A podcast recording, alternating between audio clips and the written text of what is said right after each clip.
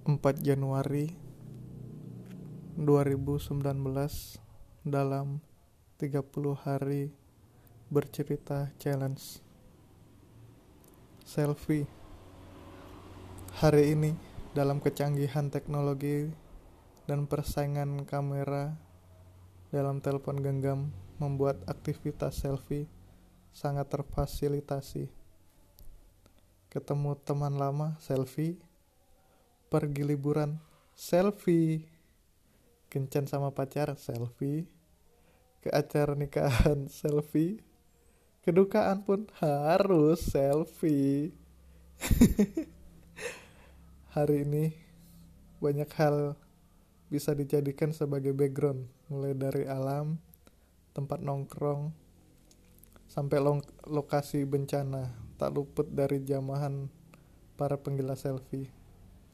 Beberapa orang menjadikan selfie sebagai ajang eksistensi dalam dunia yang makin susah dibedakan.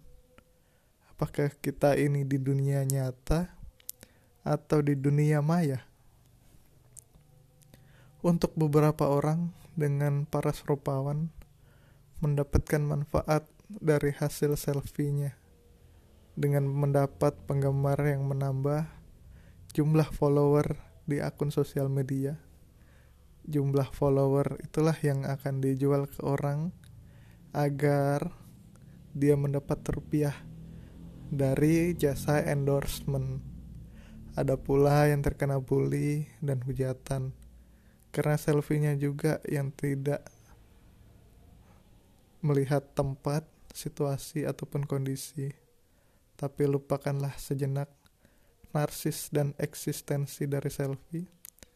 Coba explore dirimu lebih dalam. Sudahkah kita mengenal diri kita sendiri? Ya kadang kita terlalu sibuk melakukan banyak hal, termasuk mencampuri urusan pribadi tetangga dan para artis. Saking banyaknya urusan mengurus, sampai kita lupa bahwa kita tidak tahu apa passion kita, siapa kita, apa hal yang dibenci, apa hal yang disukai. Sebenarnya, dengan mengenal diri sendiri, kita bisa mengenal. Ah, sebenarnya dengan mengendalikan. Ah, sebenarnya dengan mengenali diri sendiri, kita bisa mengendalikan diri bisa memenuhi kebutuhan, menghindari hal-hal yang merusak mood, dan yang paling penting mungkin bisa lebih jelas akan ke mana tujuan hidup.